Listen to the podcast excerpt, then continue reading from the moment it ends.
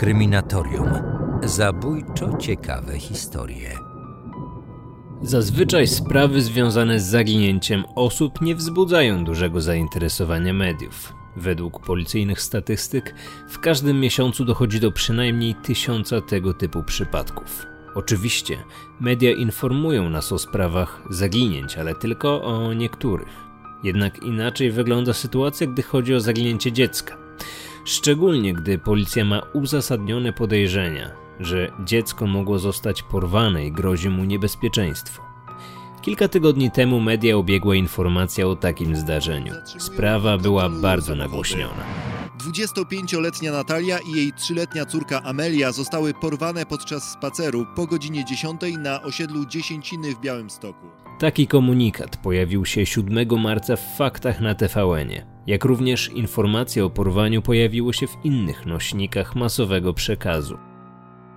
Zdarzenie zostało zgłoszone przez prababcię dziewczynki. To ona jako świadek porwania zaalarmowała służby i opisała okoliczności całego zajścia.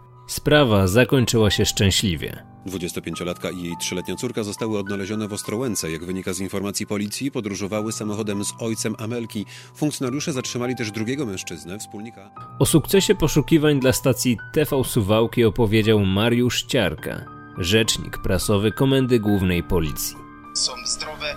One w chwili obecnej przebywają w Komendzie Miejskiej Policji w Ostrołęce, gdzie policjanci zapewnili im e, posiłek. E, dziewczynka w chwili obecnej, ja rozmawiałem sekundę temu dosłownie z komendantem miejskim Policji w Ostrołęce, e, je teraz przywieziony przez policjantów posiłek. Nie będę mówić z, jakiej, z jakiego fast foodu, aby nie być posądzonym o kryptoreklamy, natomiast jest zadowolona, zamówiła sobie to, co chciała, aby zjeść. Rysuje teraz sobie na kartce, ma opiekę psychologa, korzysta z naszego niebieskiego pokoju. Był wezwany na miejsce lekarz. Lekarz stwierdził, że zarówno e, Amelce, jak i jej mamie nic e, nie dolega, dlatego mm, czekaliśmy z tą informacją, aby przekazać ją już oficjalnie, bo najważniejsze dla nas było właśnie zdrowie i życie. Tak, Mogliśmy usłyszeć we wszystkich mediach o wszczęciu alarmu związanego z akcją poszukiwawczą. Wiadomość o alercie pojawiła się we wszystkich mediach. Policjanci uruchomili specjalną procedurę Child Alert, mówi rzecznik Komendy Głównej Policji. Dobrze, jeszcze powiedzieć dobrze, to y, czy Child Alert y, zadziałał? No moim zdaniem no, zdecydowanie tak, bo tak, jeżeli tak. mamy... Zresztą y, trudno, żeby nie zadziałał. Ja w ogóle myślę, że najważniejszą w takich działaniach... No wytłumaczmy, wytłumaczmy, może nie wszyscy wiedzą, bo każdy z nas słyszy teraz Child Alert, Child Alert. a co to jest właściwie? Czym jest ta procedura? Na czym to polega? Takie pytanie padło podczas rozmowy prowadzonej na antenie RMFFM. W tym odcinku podcastu spróbujemy sobie na nie odpowiedzieć. Child Alert. Każdy gdzieś tę nazwę zapewne słyszał. Wiemy, że system ma związek z zaginięciem dzieci. Jednak jak to się stało, że funkcjonuje w naszym kraju? W jaki sposób do nas dotarł? Jaka jest historia Child Alert? I co najważniejsze, ile razy był wykorzystany oraz jakie są tego efekty.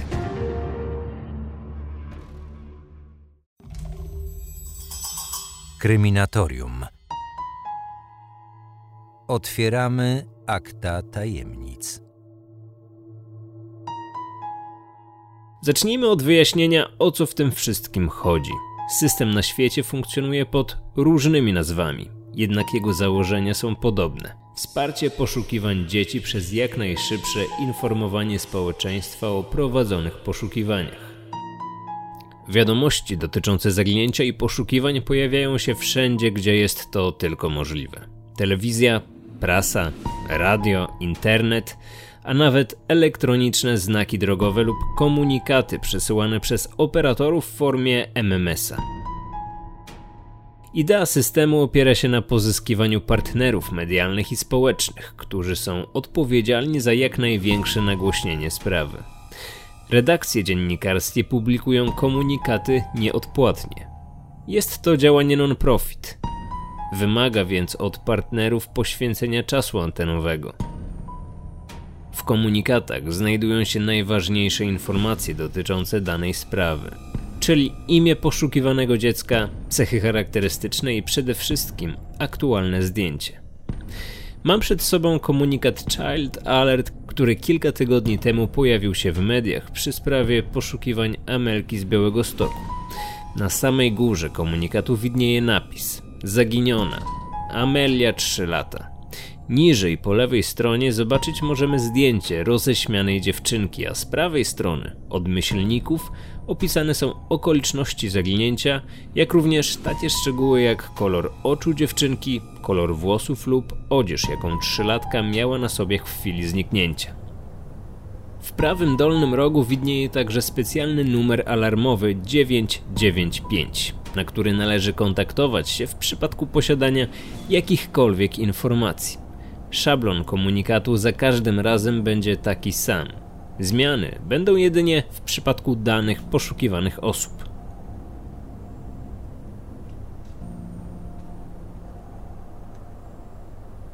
Child Alert w przypadku porwania z Białego Stoku był trzecim w historii naszego kraju podjętym działaniem w tym systemie, ale o pozostałych dwóch sprawach opowiem za chwilę.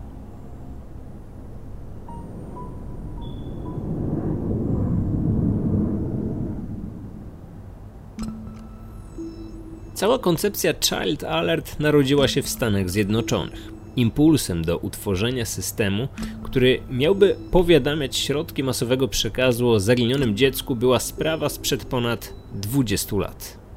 13 stycznia 1996 roku sprawca wciąga dziewczynkę do swojego samochodu. Dziewięcioletnia Amber wówczas jeździła na rowerze na parkingu przy starym, nieczynnym supermarkecie. Miejscowa policja reaguje natychmiast. Funkcjonariusze przybyli na miejsce już kilka minut później. Jednak mimo podjętej akcji poszukiwawczej, sprawa nie zakończyła się szczęśliwie. Zwłoki dziewięciolatki odnaleziono dopiero cztery dni później w przydrożnym rowie melioracyjnym. Została zamordowana. Sprawcy do dziś nie udało się ustalić. Śmierć dziewczynki stała się inspiracją do opracowania innowacyjnego planu alarmowego, który miałby pomagać przy odnalezieniu porwanych dzieci. System nazwany został tak jak imię dziewczynki Amber. Był to jednocześnie skrót od Americans Missing Broadcasts Emergency Response. System miał polegać na tym, że organy ścigania przekazywałyby komunikat o poszukiwaniu dziecka do stacji radiowych i telewizyjnych i już w ciągu kilku minut od uprowadzenia o działaniach policji wiedziałby cały kraj. Dziś wiemy już, że Child Alert okazał się sukcesem. System pomógł odszukać wiele zaginionych dzieci. Szybko zyskał uznanie także w krajach europejskich, aż w końcu zawędrował do Polski. W połowie roku ma ruszyć długo wyczekiwany system wspierający poszukiwanie zaginionych dzieci, czyli Child Alert. Choć, choć policja każde zniknięcie nieletniego traktuje priorytetowo, wciąż nie udaje się... W takich słowach system zapowiadali dziennikarze z TVP Info. Jak słyszycie, wprowadzenie tej techniki w naszym kraju było komentowane na długo przed startem Child Alert. W związku z tym, że system przed rozpoczęciem funkcjonowania w Polsce działał już w ponad 10 innych krajach, wszyscy mieli nadzieję, że zainwestowane w to pieniądze i nakłady pracy nie pójdą na marne i Child Alert w przyszłości wpłynie na skuteczność poszukiwań porwanych dzieci. Na kanale polskiej policji w serwisie YouTube znajduje się 30-sekundowy film promocyjny systemu. Krótki opis działania Child Alert zilustrowany jest ładną grafiką. Kiedy zaginie dziecko, liczy się każda informacja i każda minuta. Czym więcej osób się o tym dowie, tym większa szansa, że znajdzie się ktoś, kto zauważył coś istotnego. Czym szybciej dotrzemy z naszym komunikatem do ludzi, tym większa szansa, że nie umkną nam najważniejsze szczegóły. A ze skrawków informacji uda się ułożyć historię, która doprowadzi nas do zaginionego dziecka. Dlatego jeśli zobaczysz gdzieś taki komunikat, pomyśl, czy może byłeś świadkiem czegoś, co może mieć związek z zaginięciem i zadzwoń jak najszybciej. System ruszył w 2013 roku. Według oficjalnych informacji policja może ogłosić alarm na każdym etapie prowadzonych poszukiwań, jednak aby włączyć sprawę do systemu, spełnione muszą zostać następujące kryteria. Pierwsze. Osoba zaginiona w chwili zaginięcia nie ukończyła 18 roku życia. Drugie. Istnieje uzasadnione podejrzenie, że osoba małoletnia jest ofiarą przestępstwa, związanego z pozbawieniem wolności albo jej życie, zdrowie jest bezpośrednio zagrożone. Trzecie. Uzyskano pisemną zgodę od rodzica lub opiekuna prawnego zaginionej osoby małoletniej na rozpowszechnienie komunikatu, a w przypadku braku możliwości nawiązania kontaktu z rodzicem albo opiekunem prawnym uzyskano zgodę sądu rodzinnego i nieletnich. Czwarte, z posiadanych przez policję informacji wynika, że rozpowszechnianie komunikatu może w realny sposób przyczynić się do odnalezienia małoletniej osoby zaginionej. I ostatnie piąte. Uzyskane informacje są wystarczające do sporządzenia komunikatu. Komunikat zawiera informacje dotyczące małoletniej osoby zaginionej, a w szczególności aktualne zdjęcie osoby małoletniej, wiek i imię, a w uzasadnionych przypadkach także jej nazwisko, opis ubioru, cechy charakterystyczne, miejsce zaginięcia, zdarzenia, informacje dotyczące okoliczności zaginięcia bądź zdarzenia, numer telefonu, na który mają być przekazywane informacje o osobie wymienionej w emitowanym komunikacie Child Alert. Alarm uruchamiany jest na czas 12 godzin. Liczony jest od momentu rozesłania komunikatu o zaginionej osobie małoletniej. Jeżeli pojawiają się w sprawie nowe informacje, komunikat w każdej chwili może zostać zmieniony. Policja w przypadku funkcjonowania tego systemu współpracuje z partnerami medialnymi, którzy zgodzili się na to, aby nie pobierać opłat za publikację komunikatów. W styczniu 2016 roku jednym z partnerów została sieć telefonii komórkowej. T-Mobile jako pierwszy operator w Polsce umożliwił klientom otrzymywanie powiadomień o zaginionym dziecku. Sieć rozsyła do odbiorców specjalne MMS-y, które przygotowane zostały przez policję. Tam znajdują się podstawowe informacje o sprawie, jak również wizerunek poszukiwanego dziecka. Jednak, aby dostawać tego typu komunikaty, najpierw trzeba się na to zgodzić. Jeżeli jesteście w sieci T-Mobile, możecie wysłać bezpłatnego SMS-a o treści tak na numer 840. Ja korzystam z sieci konkurencji T-Mobile i u mnie takiej opcji niestety nie ma.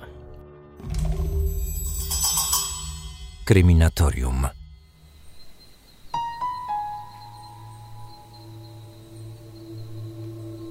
Po raz pierwszy mieliśmy okazję przekonać się w praktyce o działaniu systemu w Polsce dokładnie 4 lata temu, 15 kwietnia 2015 roku. Ciekawy zbieg okoliczności. Odcinek, który teraz słuchacie, opublikowany został w czwartą rocznicę tego wydarzenia. Możecie wierzyć albo nie, ale nie było to planowane. Sprawa dotyczyła porwanej dziesięcioletniej Mai. Do zdarzenia doszło w Wołczkowie. To wieś w województwie zachodniopomorskim, około 10 km od centrum Szczecina jest bardzo prawdopodobne, jest to jedna z wersji dzisiaj zakładanych przez śledczych, że dziecko mogło zostać uprowadzone. Ostatnia informacja, ostatnie nagranie, jakie mamy, na którym występuje ta dziewczynka, to moment, kiedy wchodzi w ulicę, na, przy której mieszka. Chwilę później pojawia się tam samochód, który przejeżdża w jedną stronę, potem cofa. My dotarliśmy już do właściciela tego samochodu, który stwierdził, że ten samochód został użyczony innej osobie do użytkowania. W tej chwili staramy się namierzyć, gdzie ten samochód jest, kto nim jeździ, no i ten trop jest przez nas sprawdzany. Tak komentował sprawę dla Radia Szczecin inspektor Mariusz Sokołowski. W początkowym etapie śledztwa poszukiwania prowadzone były głównie na terenie miejsca zamieszkania Mai, czyli tam, gdzie była widziana po raz ostatni. Do pomocy zaangażowali się sąsiedzi oraz inni mieszkańcy wioski. W akcji uczestniczyło ponad 100 policjantów. Na miejscu byli strażacy, strażnicy graniczni, szukano za pomocą drona, a nawet śmigłowca. Posłuchajcie fragmentu relacji Anny Łukaszek z Radia Szczecin. Poszukiwania trwały od wczorajszego popołudnia. W chwili obecnej znajdujemy się na wysokości miejscowości Dobra. Przeczesujemy las, Sprawdzamy pas drogi granicznej. Andrzej Budzyński, Straż Gminna w Dobrej. Został przeszukany las po prawej stronie przejścia granicznego Lubyszyna i w tej chwili udajemy się przeszukać las po lewej stronie Lubyszyna. Po stronie polskiej w zasadzie tutaj jest to las przeczesany, ale jest wersja w tej chwili przeczesać cały las niemiecki. Gdy udało się dotrzeć do informacji, iż prawdopodobnie Maja została wciągnięta do samochodu i porwana, zdecydowano o uruchomieniu ogólnokrajowej akcji medialnej. Dziewczynka została uprowadzona 14 kwietnia w drodze ze szkoły do domu.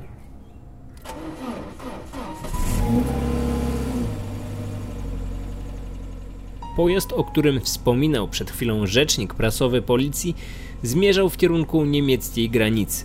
Pojawiły się przypuszczenia, że sprawca porwania będzie próbować wyjechać z Polski. Uruchomiono Child Alert. Dzięki współpracy z partnerami zagranicznymi informacje o zaginięciu dziecka pojawiły się na terenie różnych europejskich krajów, między innymi Niemiec. To właśnie w tym kraju świadek zauważył samochód, którym poruszał się sprawca i powiadomił o tym policję. Dzięki temu udało się odnaleźć Maję. Wiadomości dotyczące tej sprawy były na bieżąco przekazywane w mediach. Oto wypowiedź rzecznika prasowego policji z tamtego okresu do niemieckiej jednostki policji dociera informacja, że samochód, którego, który jest poszukiwany, stoi przy autostradzie. Jest to informacja sprawdzana przez naszych niemieckich kolegów. Okazuje się, że w środku jest i poszukiwany przez nas mężczyzna, i e, dziewczynka, która jest cała i zdrowa. Dziewczynka ta została przewieziona do jednostki policji, a także no, będzie, albo już w tej chwili nawet jest poddawana opiece lekarskiej. Rodziców poinformowaliśmy, na, że dziewczynka żyje, że e, będzie można po nią pojechać. Mm, być może w tej chwili rodzice razem z policjantami już jadą po nią e, do miejscowości Friedland, tam gdzie została, e, tam, gdzie została uwolniona. Mężczyzna został zatrzymany przez niemieckich policjantów. Tu współpracujemy bardzo z prokuraturą, która już prowadzi działania mające na celu sprowadzenie tego mężczyzny do naszego kraju. Porywaczem okazał się 32-letni Adrian M. Polak na stałe mieszkający w Niemczech. Mężczyzna przetrzymywał dziewczynkę przez prawie dobę. Po zatrzymaniu przekonywał, że nie chciał zrobić jej krzywdy, a jedynie przewieźć samochodem. Jednak Maja nie wyszła z tej sytuacji bez obrażeń. W pewnym momencie próbowała uciekać. Wówczas została zatrzymana przez swojego oprawcę tak gwałtownie, iż doszło do złamania kości w nodze. Adrian M. nie trafił jednak do więzienia. Biegli ocenili, że w chwili popełnienia przestępstwa był niepoczytalny. Jednak wypuszczenie go na wolność mogłoby się wiązać z kolejnym zagrożeniem. Mógłby popełnić podobne przestępstwo. Dlatego trafił do zamkniętego zakładu psychiatrycznego. Dziś około 14 dziadek Mai dowiedział się, że dziewczynka się odnalazła. Płakał. Nie wierzę. Cały czas się modliłem, że, że, że będzie dobrze. Mam nadzieję, że, że, że się spełnią te modlitwy całej rodziny. Mieszkańcy Wołczkowa pomagali w poszukiwaniach, są wzruszeni. Za tym dzieckiem od wczoraj płaczę. No naprawdę, no jestem szczęśliwa, że już jest wszystko dobrze. My się teraz dzisiaj wszyscy cieszymy i mamy nadzieję, że będą same dobre wiadomości. Anna Łukaszek, Radio Szczecin. Jak słyszycie we fragmencie materiału z Radia Szczecin, sprawa wzbudziła dużo emocji. Aż strach pomyśleć, jak zakończyłaby się ta historia, gdyby nie Child Alert.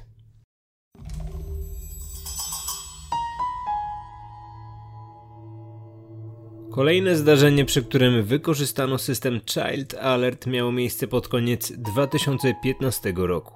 Policjanci otrzymali zgłoszenie o zaginięciu chłopca w Radomiu. W ciągu 12 godzin prowadzonego alarmu na numer kontaktowy 995 zadzwoniło 713 osób. Duża część z tych informacji okazała się ważna i pomocna w prowadzeniu czynności poszukiwawczych. Dzięki niezwykłej aktywności udało się ustalić sporo istotnych dla sprawy wątków. Cała historia zakończyła się szczęśliwie. Poszukiwane dziecko było całe i zdrowe. Oby podobnych alarmów było w Polsce jak najmniej, a jeżeli pojawi się już konieczność do ich wszczęcia, oby cieszyły się dużą skutecznością i poszukiwane dzieci wracały do domów całe i zdrowe. Na koniec małe ogłoszenie podcastowe. Jak zwykle kierowane do tych największych miłośników kryminatorium.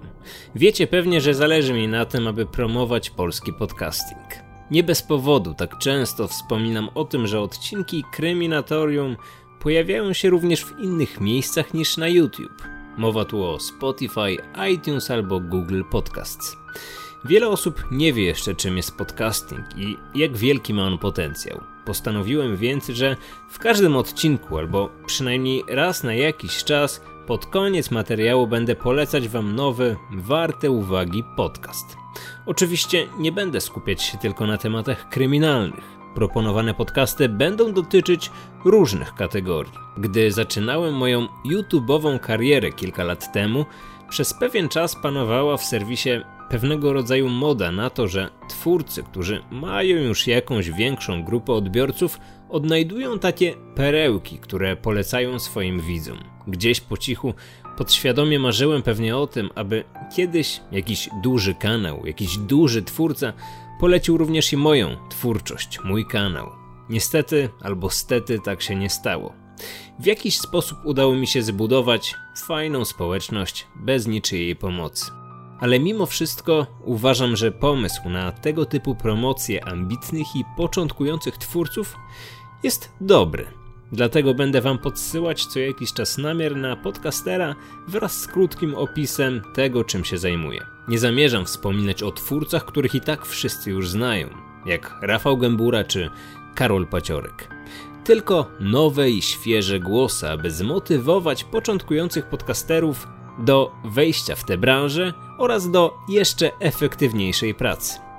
Dziś zaczynam od podcastu, który nosi nazwę Zaprojektuj swoje życie. Autor w swoich podcastach rozmawia z różnymi gośćmi, którzy, jak sam wspomina w opisie kanału, podjęli się nietuzinkowych wyzwań. Autor zadaje trudne i dające do myślenia pytania, które mogą, a właściwie powinny, zmotywować każdego z nas do refleksji i do jak najlepszego zaprojektowania własnego życia. W zdecydowanej większości przypadków, gdy ktoś zaczyna coś robić w internecie, czy to kanał, czy to podcast, na początku jest to dosyć nieudolne. Dopiero po wielu tygodniach, miesiącach, a czasami nawet i latach, dany twórca rozwija się i przygotowane przez niego treści zyskują na jakości. Niewiele jest przypadków, w których dany youtuber lub podcaster prezentuje wysoką jakość już od pierwszego odcinka. A w przypadku zaproponowanego przeze mnie przed chwilą podcastu, wydaje mi się, że tak właśnie jest. Widać, że autor długo przygotowywał się do startu swojego projektu. Profesjonalne studio do nagrań, dobry dźwięk, porządne miniatury, opisy i nawet strona internetowa. Pełna profeska i bardzo ciekawe rozmowy. Polecam podcast Zaprojektuj swoje życie.